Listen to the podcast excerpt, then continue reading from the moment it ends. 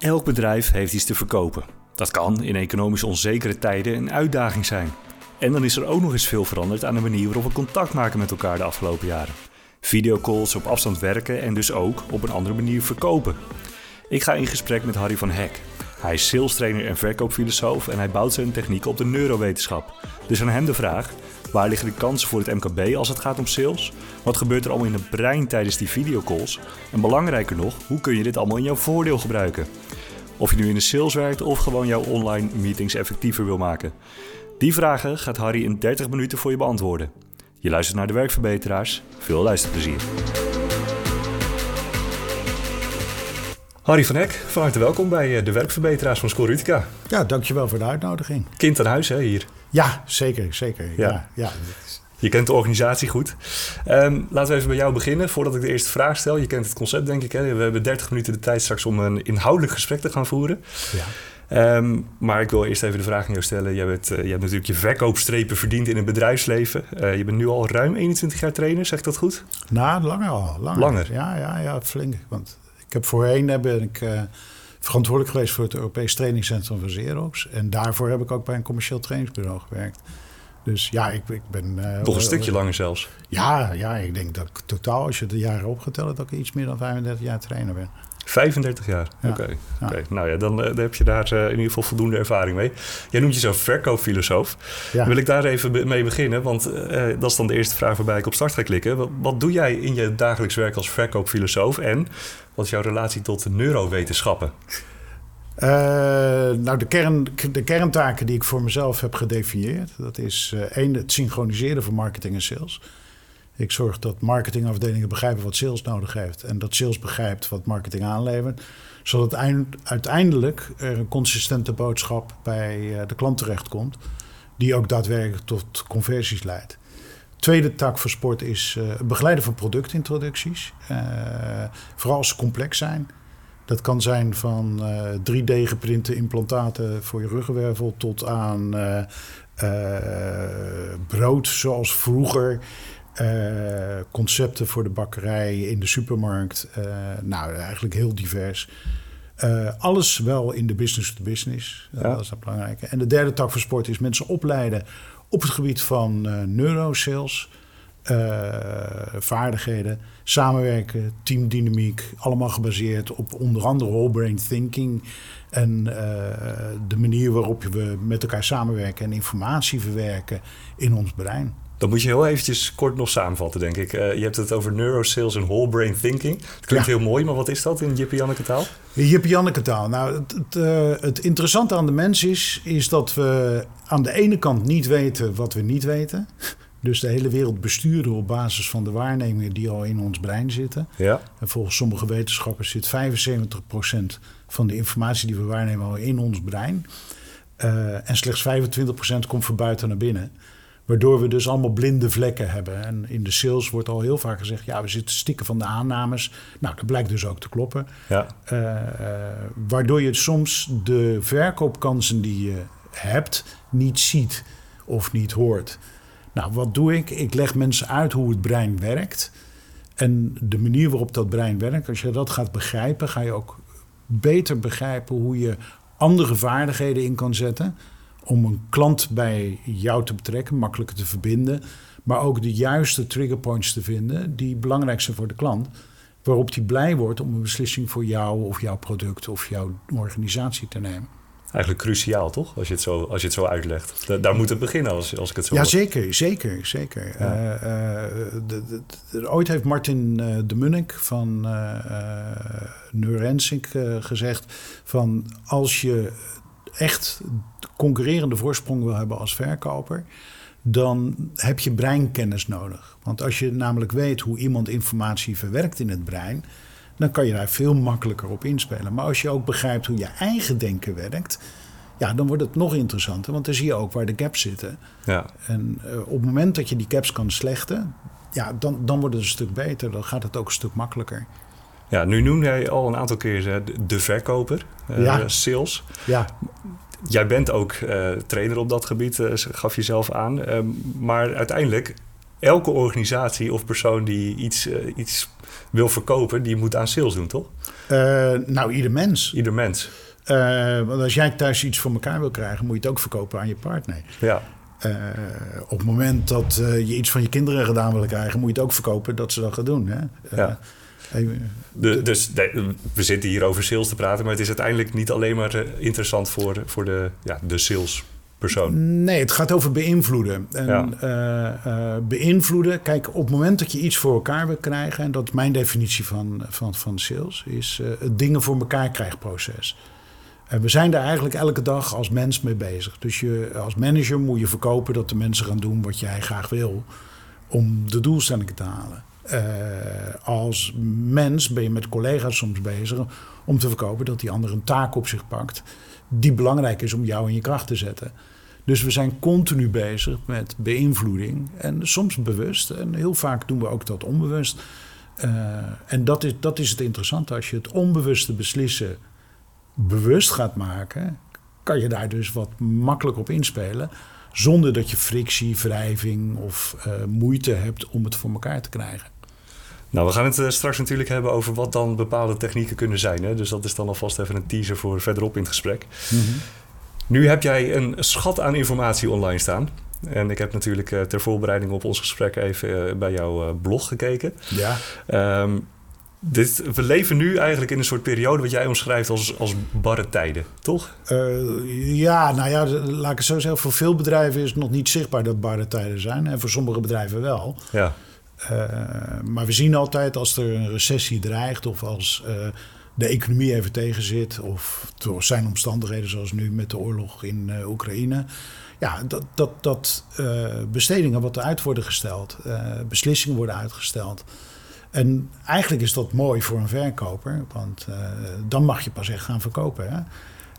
want als de klant niet wil, is jouw rol belangrijker. Want dan moet je ook echt een propositie gaan maken waar de klant een toegevoegde waarde gaat ervaren van jouw diensten, jouw uh, producten, alles wat er rondomheen zit.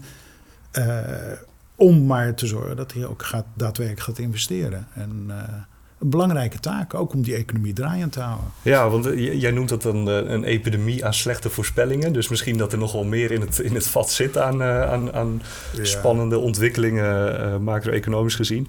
Um, maar hoe moet je daarmee omgaan vanuit verkoopperspectief? Nou, de, de, de, kunst is om je niet mee te laten zuigen door het negativisme. Hè? Een, een, een verkoper heeft een bepaalde vorm van opportunisme in zich. Uh, en dat is het eigenlijk moeilijkste deel van de mindset van een verkoper, is om maar altijd positief te blijven. Het is uh, uh, namelijk een heel dramatisch beroep als je het kiest. Want het is, dramatisch? ja, zeker, zeker. Het is het enige beroep ter wereld waar je betaald wordt om afgewezen te worden. ja. Het is heel raar. Je, je, moet, je moet zeker bij koude acquisitie wel uh, 10, 20 telefoontjes doen om één afspraak te krijgen. Dus je wordt 19 keer afgewezen en dan mag je één keer uh, mag je op bezoek komen. Nou, dat, dus je moet wel een, een, een, mindset hebben dat je dat aan kan. Want psychologisch gezien willen we als mens heel graag geaccepteerd worden. Ja.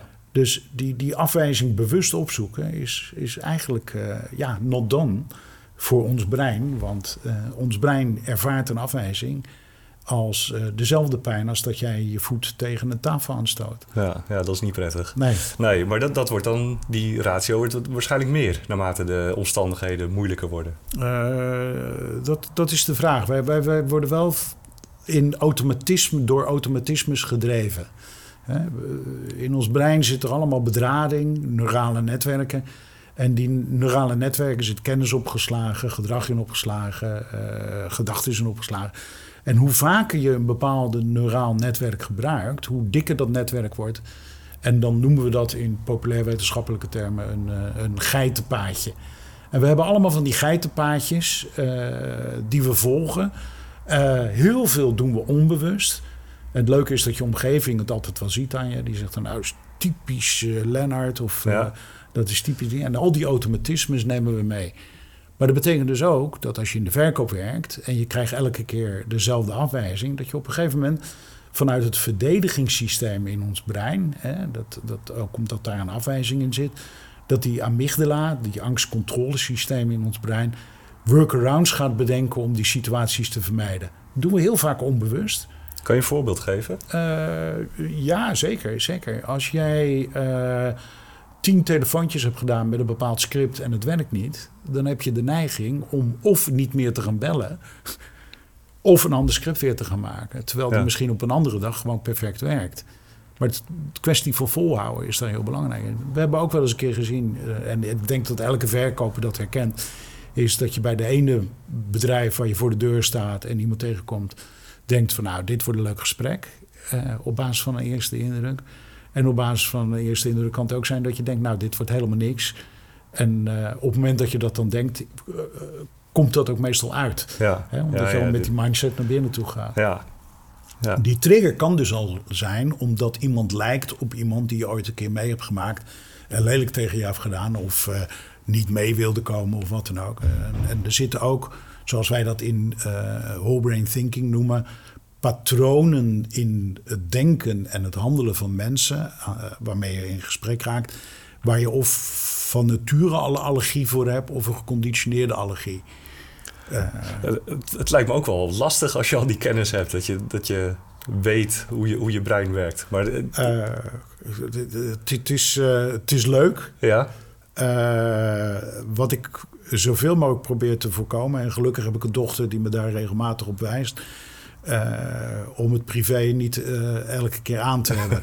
en trouwens in de verkoop ook niet hoor. Want eigenlijk heb je verkooptechnieken pas nodig op het moment dat het niet goed gaat. Hè? Want dan kan je leren schakelen en aanpassen. En dat is ook wat ik de mensen leren in de training. Is dat je leert doorhebben wanneer het niet goed gaat. Want ja, als je het niet doorhebt, uh, kan je ook niet kan je het ook niet managen. Maar als we het helemaal plat slaan, dan is eigenlijk de oplossing, en dat is dan wat jij ook doet, denk ik, continu een spiegel voorhouden en kijken hoe die paadjes lopen. Ja, dat, dat klopt. We merken uit alle onderzoeken die er zijn gedaan dat zelfreflectie de belangrijkste vaardigheid is van een goede verkoper. Zichzelf continu evalueren en ook de drive hebben om zich te ontwikkelen.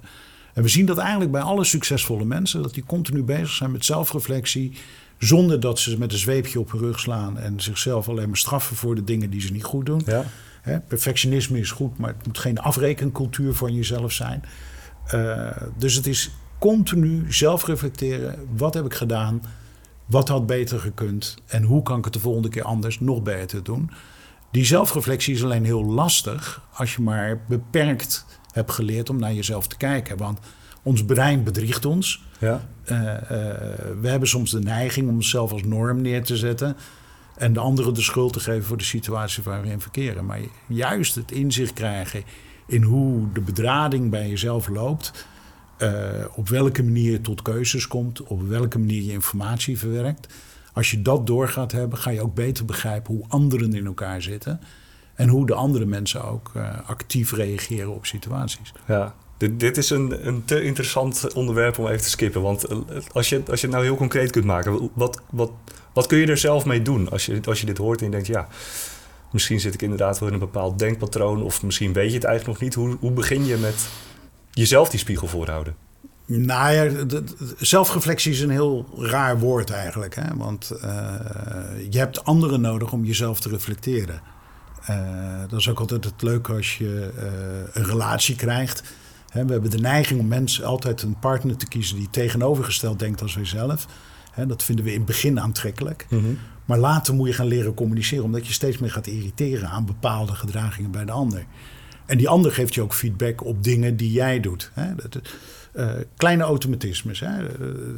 als we het in de thuissituatie betrekken, uh, blijkt dat heel vaak je, een partner, een vrouw, je vrouw, het vervelend vindt dat je je sokken binnenste buiten in die wasmand doet. Ja. Nou, het, het, het, kenmerkend iets. Dat kan nog tien keer gezegd worden, maar het komt niet binnen om dat gelijk aan te passen. Want dat patroon is zo sterk dat het moeite kost om dat te veranderen. Ja. Dus je moet er continu van bewust worden gemaakt van joh, dat kan anders. En dat maakt dat ik mijn was op een betere manier kan maken, doen. Nou, in de verkoop zit dat ook. Um, heel veel mensen worden getraind in de verkoop en terecht op het stellen van open vragen. En wat we dan zien is dat mensen de indruk hebben dat ze open vragen stellen. Maar als we meegaan het veld in, dan merken we dat eigenlijk ze alleen maar gesloten vragen stellen of helemaal geen vragen stellen. Nou, dat, dat maakt het interessant. Van We hebben de neiging dus om ons vaardigheden toe te kennen die we niet hebben. Mhm. Wel bewust zijn dat ze belangrijk zijn, maar dan denken we dat we het doen. En dat is een soort verkeerd zelfbeeld wat we ontwikkelen eh, op het gedrag. eh, waardoor, waardoor we ineffectief blijven. Tenzij je continu daar feedback op krijgt. Ja, en dat, dat is dan de sleutel. Dat Dus- is eigenlijk de sleutel. Ja. Eh, ik, ik denk dat eh, coaching in een bedrijf van de verkopers door een verkoopleider eh, eigenlijk het meest essentiële borgingsinstrument is om te zorgen dat de mensen naar een hoger plan toe gaan. Continu evalueren en altijd op de activiteiten, niet alleen op het resultaat. Want het resultaat is hartstikke mooi, maar dat kan je eigenlijk niet managen. Je moet de activiteiten managen die leiden tot het resultaat. Ja, kun je die even concreet maken?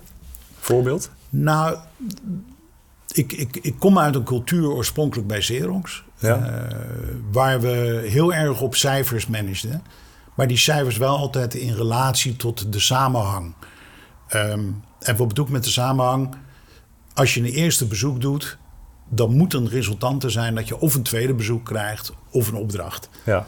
Eh, als je die conversie gaat bekijken, dan kan het dus betekenen dat mensen die geen tweede bezoek krijgen, dat ze of de verkeerde doelgroep bewerken, of dat ze een vaardigheid missen, een competentie missen, eh, of dat eh, ja, het- ze bij de verkeerde persoon zitten. Nou, op het moment dat je dat soort conversiecriteria gaat bekijken, kan je mensen dus feedback geven om te kijken van ik ga je gericht op de toepassingscontext van een onderdeel van het sales traject, ga ik je managen en ga ik kijken waar het zit. Ja. Eh, dat kan dus ook betekenen dat als iemand zoveel bezoeken per week moet doen, maar hij blijft heel erg achter, dan kan het twee dingen betekenen. Of ze hebben de competentie niet om die bezoeken te brengen, of wat we eh, nog wel eens zien is dat mensen ook gewoon lui zijn. Eh, en dan lui, Ja. Ja. dan denk ik, dan heb je een ander gesprek. Of dat er een soort angst in dat brein zit voor de afwijzing, waardoor ze dus niet toe doorpakken en eigenlijk de bekende paden blijven volgen. En ik denk dat het meest bekende voor de meeste verkooporganisaties is dat ze altijd roepen van ja, mijn verkopers zitten te vaak bij bestaande klanten. Of ze verkopen alleen maar bestaande producten die we al hebben. Maar bijvoorbeeld een tweede lijn van producten die we ook verkopen, verkopen ze niet. Eh, ja, dat, dat soort shifts zie je gebeuren. Maar dat heeft dan vaak te maken met de, de angst eh, om eh, afgewezen te worden. ja. En in die gewoontes weer blijven hangen. En dan ga je weer Ja. terug naar je, naar je oude gewoonte. Hè? Ja, Dat, dit is een heel mooi bruggetje, want we hebben het over, over, over gewoontes en vaste wegen. Nu is, is er natuurlijk een aantal jaar geleden een, een bepaalde pandemie over het land gekomen. En is er heel veel veranderd op het gebied van technologie ook met name. Nu zei je in een eh, video uit 2007, die heb jij zelf onlangs nog eh, ergens gepost. Verkoop is contact maken van mens tot mens. ja, Nou, nu zijn we, is dat natuurlijk de afgelopen jaren veel veranderd. Hoe kijk jij er nu naar? eh, nog steeds hetzelfde. Ja, Want er verandert niks. Het brein van een kopende klant is nog steeds precies hetzelfde. Eh, dus we willen gewoon van mens tot mens nog steeds contact hebben. hoor. Dat- Kijk, het, de sociale interactie is nog steeds een van de belangrijkste dingen die we als mens hebben. En daar onderscheiden we ons ook vaak in ten opzichte van andere diersoorten.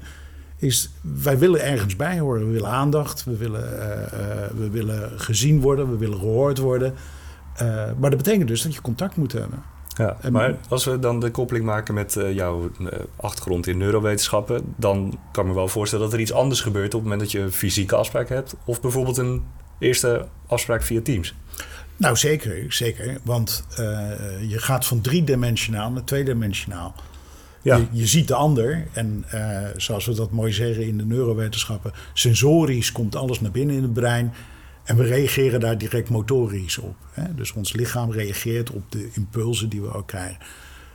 Dat betekent dus ook dat op het moment dat wij met teams aan het communiceren zijn met de klant, dat eh, we andere waarnemingen hebben als dat we normaal hebben. En dat is wel weer interessant, want als we metingen doen eh, van mensen die eh, hoe hun bedrading werkt, dan zien we ook dat mensen die een sterke emotionele voorkeur hebben in hun manier van denken, dat die dat eigenlijk helemaal niks vinden. Want die kunnen niet zien welke signalen eronder zitten. En Ja. die, die zitten maar continu te wachten op dat knikje van die klant. Of, eh, Maar, maar is dat ook zo? Hoe bedoel je? Nou, is, is het zo dat je, uh, dat je die signalen niet op kunt vangen? Of dat, je, dat het heel anders is op het moment dat je 2D uh, met nee, elkaar praat? Nee, het vraagt andere vaardigheden. Uh, het betekent dat je die signalen moet oproepen. Ja. En ik denk dat iedereen het wel kent. Dat je een teamsvergadering hebt en je vraagt wat, generiek aan die hele groep. Sorry. Um, en dan reageert niemand. Ja. Nou, als je een grotere decision-making unit aan de andere kant hebt zitten, een grote beslisgroep in een verkoopgesprek, dan is dat eigenlijk precies hetzelfde. Dus de kunst is om mensen direct aan te spreken. Dat je dan zegt, nou Piet, wat zijn nou voor jou de belangrijkste dingen die je aanspreken? Zo'n vraag is al een vraag die heel interessant is. Want je, je gaat niet vragen, wat vind je ervan? Mhm. Uh, we weten gewoon dat hoe concreter die vraag is, joh, wat zijn nou de drie belangrijkste dingen die je aanspreken, geeft een andere reactie. En daar voel je, daar zie je, en dan hoor je ook aan de intonatie van de stem, of er daadwerkelijk een, een, een soort van enthousiasme is om te gaan kopen. Of Ja. dat men daarmee bezig is. En dat is niet anders in een teamsgesprek dan wanneer wij nu bij elkaar zitten. Nee, maar ook eh, als wij met elkaar zitten, zien we wel wat andere signalen. Want dan kijk ik naar je hand, ik kijk hoe je knikt. En, eh, dat knikken wat je nu doet, Ja. doe je ook. Eh, eh, vanuit een automatisme. Ik was er al bang voor dat ik een keer de spiegel eh, voor zou krijgen, deze, dit Ja. gesprek. Ja, maar we, maar we kijken dus wel naar elkaar toe. En we nemen ook wel die kleine dingetjes waar. En het, het, het is natuurlijk toch zo dat met een eerste indruk die we hebben... of een indruk als we tegenover elkaar zitten... dat dat ook het onbewuste beslissen bij onszelf beïnvloedt. Dus we kiezen strategieën die gebaseerd zijn op de patronen die in ons hoofd zitten. En die zitten ook vaak op basis van de interactie en de feedback die we graag willen zien. En als je die niet krijgt, ja, dan wordt het wel anders. Ja. Maar is dan de gouden truc eh, wa- wat je net aangaf? Dus we zitten, met, we zitten in een gesprek, misschien met meerdere mensen... dat je gewoon een concrete vraag stelt en een persoon direct aanspreekt. Is dat dan de... Nou, zeker. Eh, eh, wat we zien is dat vraagstellingtechnieken eh, nog belangrijker zijn in teamsgesprekken. We hebben de neigingen, zeker als je presentatie gaat neerzetten op een Teams. Eh, een, eh, ja, ik, ik vind eigenlijk geen Teams-afspraak, maar een, een videocall. Ja, dat is het. Hè, ja. want, dat, dat, want Teams is veel meer in mijn beleving als technologie dan alleen maar een video. eh, en het is eh, één van de tools natuurlijk om het mee te doen. Ja. Ja, maar wat je dus ziet is dat eh, op het moment dat je zo'n videocall hebt en eh, je bent bezig met, met een gesprek, dat het stellen van vragen veel belangrijker is om de dialoog op te zetten. Zet je een presentatie op je scherm, dan zien we al dat er hele rare interacties gebeuren, omdat je dan de neiging hebt om maar blijven praten, omdat je natuurlijk geen directe feedback op je handelen Ja. krijgt. En wij willen eigenlijk direct feedback op ons handelen hebben, want dat geeft ons dopamine op het moment dat iemand enthousiast reageert. En die dopamine, dat geeft ons een gevoel van zelfvertrouwen, eigenwaarde, waardoor we dus eh, makkelijker gaan praten en ook makkelijker tot resultaten komen. Nou, je hebt natuurlijk altijd, als je een presentatie geeft, altijd wel mensen die hè, met hun handen over elkaar een beetje zagrijnig zitten te kijken naar wat je vertelt. Maar bij Teams heb je sowieso, of bij een videocall, heb je sowieso het gevoel dat je in het luchtledig aan het eh, praten bent. Nou ja, dat, dat is dus het moeilijke. En Ja. ik, ik, ik weet nog in de tijd dat ik vaak in het theater stond eh, voor lezingen te geven. En dan was die hele zaal helemaal donker. Oh ja, Nou, vond ik helemaal niks. nee. Want ik kreeg geen zelf interactie. idee? Ja, je, je, je- ik, ik kijk ook naar mensen hoe ze op me reageren. Ja. Maar op het moment dat je die interactie niet hebt, dan, dan, dan, dan kan dat je onzekerheid triggeren. Nou, wat doen we als we onzeker zijn? En dat is ook een, eigenlijk een soort breinreactie die we hebben. Eh, de meeste mensen die onzeker zijn, hebben de neiging om in de verkoop meer te gaan praten. Dus die gaan meer zenden, minder dialoog aan. Nou, wat weten we? Telling is not selling. Hè? Zo, Ja. Een mooie kreet uit het Amerikaans. Eh, de- dus het is minder effectief. En Dus juist, af, af en toe even je mond houden. eh, ja, ik, ik, een van mijn gevleugelde kreten is vraag stellen, bek dicht. Vraag stellen, bek dicht. Ja, Ja. Die kunnen we noteren. Want je, de vraag die jij stelt, is een vraag die de klant zichzelf waarschijnlijk nog nooit gesteld heeft. Dus je moet erover nadenken. Precies. Ja. Maar wat doen we als we de klant niet direct horen reageren of niet zien reageren? Dan gaan we het zelf invullen om hem te helpen, vaak vanuit betrokkenheid. Maar wat doen we dan? Dan geven we onze gedachten weer en vangen we niet de manier waarop hij of zij aan de andere kant de informatie wil verwerken. Dus het, het, vragen stellen en je mond houden is essentieel in de verkoop. En zeker bij teamsgesprekken. ja, duidelijk. Vraag stellen, bek dicht. Toch? Ja, absoluut. Ja, oké, mooi. Um, nou, dan begrijp ik toch even terug op jouw blog. Dus even een belangrijk onderwerp wat ik even wil bespreken. Want de titel daarvan was um, Remt de technologie onze daadkracht? We hebben natuurlijk in een eerdere podcast uh, uh, gehad over dat medewerkers gewend zijn om workarounds te creëren rond shit. Dus aan jou eigenlijk ook de vraag, wat is nou een soort technologische basis die je moet hebben om goed te kunnen verkopen? Of hoe, hoe kijk je naar de, het gebruik van technologie? Nou, de technologie helpt ons, maar beperkt ons ook. Hè? Uh, iedereen gaat naar mindfulness trainingen, uh, maar eigenlijk zit ons hoofd gewoon compleet vol. Ja. Dat we veel te veel impulsen krijgen. En het is heel interessant om. een, een van de wetenschappers die ik graag volg en, is Theo van Koppernolle. Theo Koppernolle. Die, die, die schrijft onder andere over het brokkelbrein. En wat we weten is, ons brein kan niet heel snel schakelen. Dat, dat, dat lijkt zo. Maar we worden continu afgeleid door allerlei impulsen die we van links en van rechts krijgen. Tweede wat we zien is dat het aantal interfaces wat wordt gebruikt op computers of uh, met mobiele telefoon uh, zo breed is geworden dat mensen van systeem naar systeem moeten schakelen om te zorgen dat ze een klant een antwoord kunnen geven. Ja. Uh, en dat, dat is eigenlijk heel frustrerend, omdat je namelijk elk softwarepakket weer zijn eigen patronen heeft, eigen uh, workarounds heeft. Waardoor je dus continu moet schakelen. En iemand die van redelijk behoudend is en nog denkt in de manier zoals hij het altijd heeft gedaan, ja, die, die, die, die raakt alleen maar in de war. En dat, dat, is volgens mij ook een van de redenen waarom heel veel ERP-implementaties mislukken. Ja. Is omdat er dan allerlei dingen bij worden gezet die, die niet werken. Nou, het grootste probleem wat we zien is die interfaces zijn er veel te veel. Met verschillende schermen, verschillende routines, waardoor ons brein als het ware een beetje op kortsluiting slaat. Ja. Tweede element is de afleiding op een computer of door de technologie is ook heel groot. Hoe vaak we niet naar de telefoon kijken zonder dat het echt interessant is wat erop staat. Ja, nee, ik kijk alleen even naar de timer hoor. Ja, we, nog hebben. Maar, maar ook, ook daar word je door je technologie geremd, omdat je jezelf een deadline oplegt. Ja. Uh, en, en, en we zien dat dus ook vooral bij CRM-systemen. Want eh, in, in, ik doe vrij veel CRM-implementaties begeleiden. Niet in de techniek, maar wel in de architectuur. Maar we zien gewoon dat 90% van de CRM-systemen niet goed ingericht is. 90%? Ja, zeker. zeker ja. Dat is, uh, wat we vaak zien is dat de veredelde kaartenbak is met een registratiesysteem achteraf. Mm -hmm. Maar op het moment dat je een CRM-systeem goed laat geeft het aan wanneer je in actie moet komen richting een klant. Uh, dus dan maakt het je werk echt makkelijker. Jazeker. Ja. En, en op het moment dat je dus interacties uh, vanuit andere systemen kan laden in je CRM-systeem, wat iets aangeeft. Bijvoorbeeld, we hebben een klant met een, uh, een, een, een, frequentie van drie maanden dat hij altijd bestelt.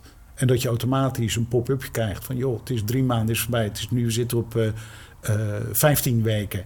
Hij heeft nog niet besteld. Ja. Zorg dat je hem belt. Dan gaat technologie je helpen. Maar we, we, gebruiken CRM-systemen niet altijd op die manier. Dus je moet eigenlijk weten wat zijn de parameters waar we op moeten letten. En hoe kan dat voor ons werken om de activiteiten aan te sturen. Ja, dus je begint eigenlijk niet vanuit de techniek, maar je begint bij de vraagstelling. Uh, je begint bij de relevante dingen die noodzakelijk zijn om te kijken van dat zijn mijn signalen die ik uit het systeem kan halen om in actie te komen. Ja. En uh, dat is het leuke, want we verzamelen allemaal data. En uh, dat is ook altijd mijn bezwaar uh, in bedrijven als ik ergens kom, is dat men te veel wil verzamelen. Maar ja, verzamelen is ook wel weer zo'n dopaminegevertje in ons brein. Maar dat het niet relevante informatie is, maar interessante informatie. Ja. Maar het gaat erom dat je de interessante informatie leert scheiden van wat er relevant is voor het uitvoeren van je job. Dat je niet naar de applicaties kijkt die interessant zijn. Want kijk maar hoeveel appjes nodeloos op je, op je telefoon staan. Maar dat je gaat kijken wat is relevant voor mijn leven, inhoud en vorm te geven. Als verkoper of als privépersoon. En dan heel kort, want uh, we vliegen door de tijd heen. We zouden hier misschien nog weer een aparte podcast over kunnen opnemen, denk ik. Maar wat is de vraag die je moet stellen als je, als je dit hoort en je denkt... ja, misschien hebben wij inderdaad wel zo'n CRM-systeem vol met info waar we niks mee doen... of het is niet goed ingericht. Waar begin je? Uh, het eerste waar je mee begint is de vraag te stellen aan de verkopers van... helpt het je of belemmert het je? Uh, vraag aan de eindgebruiker eigenlijk. Ja, ja zeker, zeker. Want heel veel uh, salesmanagers lopen alleen maar te jagen op dat het bij wordt gehouden. En op het moment dat je ziet dat er weerstand is in je club, omdat ze zeggen grote administratieve belasting. Oh, wat moet ik ermee? Ik, uh, ik, ik word er helemaal ziek van. Ja, ik zal het nog wel bijwerken. Al die excuustruzen. Ja. En uh, uh, we weten ook dat heel veel salesmanagers maandagochtend gaan bellen van... joh, het is nog niet bijgewerkt. En gelukkig hebben we tegenwoordig nummerherkenning. Dus wat doen die verkopers? Die zetten gewoon de telefoon uit. ja. dus, dus op het moment dat je merkt dat daar vluchtgedrag in zit dan weet je één ding zeker: dan heb je het systeem niet goed ingericht. Of begrijpt de verkooporganisatie niet over waar de toegevoegde waarde zit. Dus door helemaal terug te gaan en opnieuw uit te leggen wat is de toegevoegde waarde van de schermen die je ziet, maar ook de rapportages die je eruit kan halen, ja, dan wordt het pas effectief. Dan gaat het, dan gaat het helpen. Maar nu is vaak een CRM-systeem een beperkende uh, hulpmiddel uh, en daarom zeg ik ook, die technologie helpt niet altijd. Hè? We zeggen dat we allemaal bereikbaarder zijn. Hè? Want dat roepen we natuurlijk. Je krijgt een mobiele telefoon. Nou, we zijn bereikbaar. Je kan ook nog via chatten, appen. Uh, nou, hoeveel interfaces hebben we wel niet? Ja, te veel waarschijnlijk dan. Ja. Maar als we aan verkopers vragen, wat krijg jij je contactpersoon nog te pakken? Dan zeggen ze allemaal, ja, ik, ik weet niet wat er gebeurt. Maar ze reageren niet, ze antwoorden niet, ze noemen het niet. Maar de mens kan die complexe hoeveelheid informatie niet meer verwerken. En dan met al die verschillende interfaces wordt het alleen maar lastiger. En daarom ben ik ook zelf heel enthousiast over de commerciële kracht van Microsoft Teams. Omdat je daar veel meer mee kan doen met één interface. Wij hebben zelfs een interface gemaakt voor uh, de HBDI denkstijlanalyses. Die je zo kan integreren binnen Microsoft Teams. Je uh, je, je, liet dat net even aan me zien. En eh, de, de tijd is afgelopen, dus we horen nu een hele irritante timer. Maar ik weet niet of je Formule 1 kijkt, maar als je de laatste vraag stelt, dan mag je nog een rondje doorrijden. Dat, ja, uh, ja, ja, ja, Kun je dat nog heel even kort uitleggen, wat, wat er dan, hoe, dat hoe dat werkt? Nou, op het moment dat je een analyse hebt gemaakt van het team waarmee je samenwerkt, en je hebt dat in kaart gebracht, dan is het heerlijk als je iemand belt en je weet ook hoe de ander de informatie het liefst ontvangt. Nou, dat, dat, dat, dat is het, het, mooie van deze applicatie is dat we die geïntegreerd hebben in Teams. Ja. Dat als je iemand belt of je hebt met iemand een videocall, dat je dan op basis van ook de toestemming van de persoon die daar uh, uh, jouw toegang toe geeft, precies kan zien wat de prettigste manier is om samen te werken. Waardoor je dus misverstanden voorkomt, de samenwerking optimaliseert en sneller tot resultaten komt. Geweldige tool, ja. hartstikke leuk om te gebruiken. Maar ook bijvoorbeeld een, een hulpmiddel voor een simpel activiteitenmanagement systeem, Sales Activity Management. Ik heb het genoegen gehad om met uh, Rocket Pilot een aantal trajecten te mogen doen. Waar we dat geïmplementeerd hebben bij bedrijven. Waardoor we de activiteiten van de verkopers veel duidelijker in kaart brengen per week. En wat er gebeurt is dat ze elke keer als ze een taak afronden, dopamine aanmaken, lekker erin de vel zetten, hun eigenwaarde vergroten, vertrouwen vergroten. En ze daardoor nog meer werkplezier krijgen. Mooi. Harry, um, we zijn echt door de tijd heen. En ik moet toch een beetje streng zijn, dus we gaan hem echt afronden. Ik wil jou heel erg bedanken natuurlijk dat je al deze bak aan waardevolle informatie hebt gedeeld. Ik denk dat als je luistert dat je best wel wat vragen kunt hebben. Dus misschien is het handig dat jij nog even deelt waar we meer informatie kunnen vinden. Uh, nou, sowieso op mijn uh, website. Ja. Uh, eh, www.hecx.nl HECX? HECX.nl uh, en vanzelfsprekend op mijn uh, uh, LinkedIn-profiel staan regelmatig artikeltjes, posts. en dan moet je wezen bij Harry met IE van Hek met H-E-C-K. Nou, we zorgen dat we die links natuurlijk even toevoegen in de show notes. En nou, dan wil ik je heel erg bedanken, Harry, ook voor de kleine spiegel die je mij natuurlijk weer hebt volgehouden. Graag gedaan.